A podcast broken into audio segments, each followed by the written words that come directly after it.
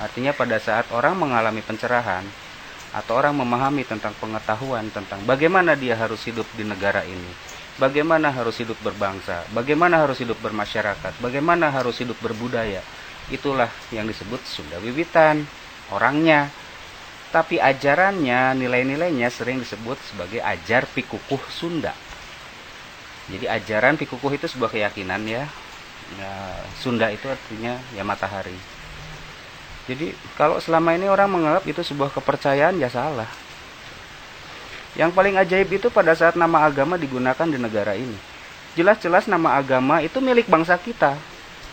Yang artinya ketika seseorang memahami tentang dirinya sendiri, perilakunya, kegunaan dirinya di dalam kehidupan sehari-hari di muka bumi, itulah agama. Jadi saat seseorang melakukan perilaku yang sopan, santun, berbudi, artinya cara ciri manusianya muncul, berarti dia beragama. Nah, ini semua diajarkan oleh leluhur bangsa kita. Bayangkan pada saat kita tahu tata krama. Istilah tata itu artinya hukum. Krama artinya perilaku. Jadi hukum berperilaku. Makanya ada tata krama. Dari tata krama itu adanya dalam tata salira. Lalu naik tingkat menjadi tata nagara. Naik tingkat menjadi tata buana. Puncaknya adalah tata surya. Nah di tingkat tata surya ini yang paling luar biasa. Ini yang membuktikan bangsa kita adalah bangsa yang pertama mengenal peradaban. Bangsa yang pertama mampu mengoptimalkan tubuhnya. Jadi manusia paripurna. Makanya bahkan banyak keajaiban pada diri bangsa Indonesia pada zaman dulu. Kita pewarisnya, ilmu pengetahuan dari bangsa Nusantara itu. Ya sayangnya selama ini ya dilecehkan di negerinya sendiri, di tanah kelahirannya sendiri diasingkan. Lalu maaf kalau saya harus bilang bahwa kepercayaan-kepercayaan dari negara lain, dari bangsa-bangsa lain yang dipropaganda begitu hebat, baik melalui agresi militer maupun secara politik ya, penyusupan, apa pun namanya, merubah cara berpikir bangsa kita, berubah semuanya. Bukti kerusakan dari datangnya mereka apa? Hilangnya kepercayaan diri bangsa kita karena disebut animisme.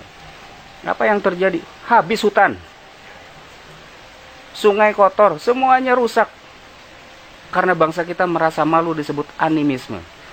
Malu disebut dinamisme. Padahal kena emang kenapa kalau animisme?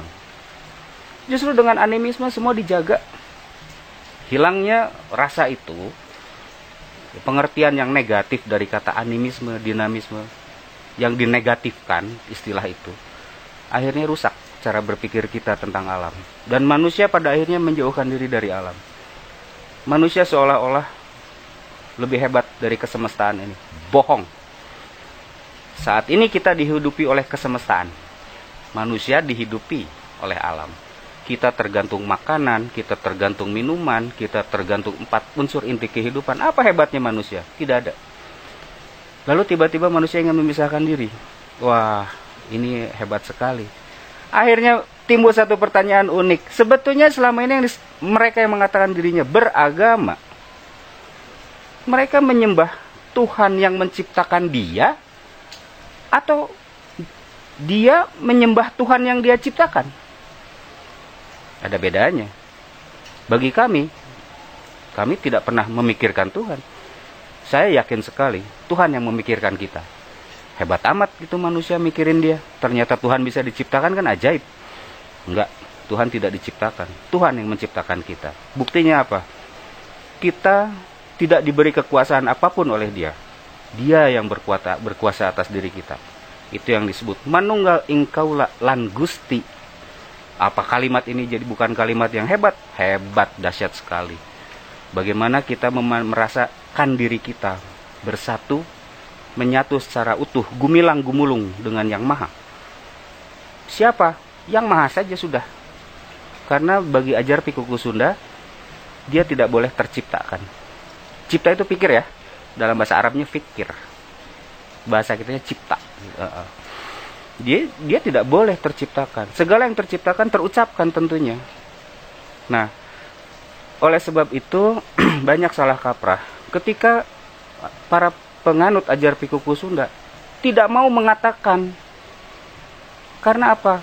Karena mustahil sabab disebut begini mantena anu pamali dicaritaken tebenang ku usik biwir tebenang ku motah letah artinya segala sesuatu yang tidak bisa dikeluarkan sudah tidak bisa dikeluarkan lewat lidah lagi. Tidak bisa diucapkan lewat mulut lagi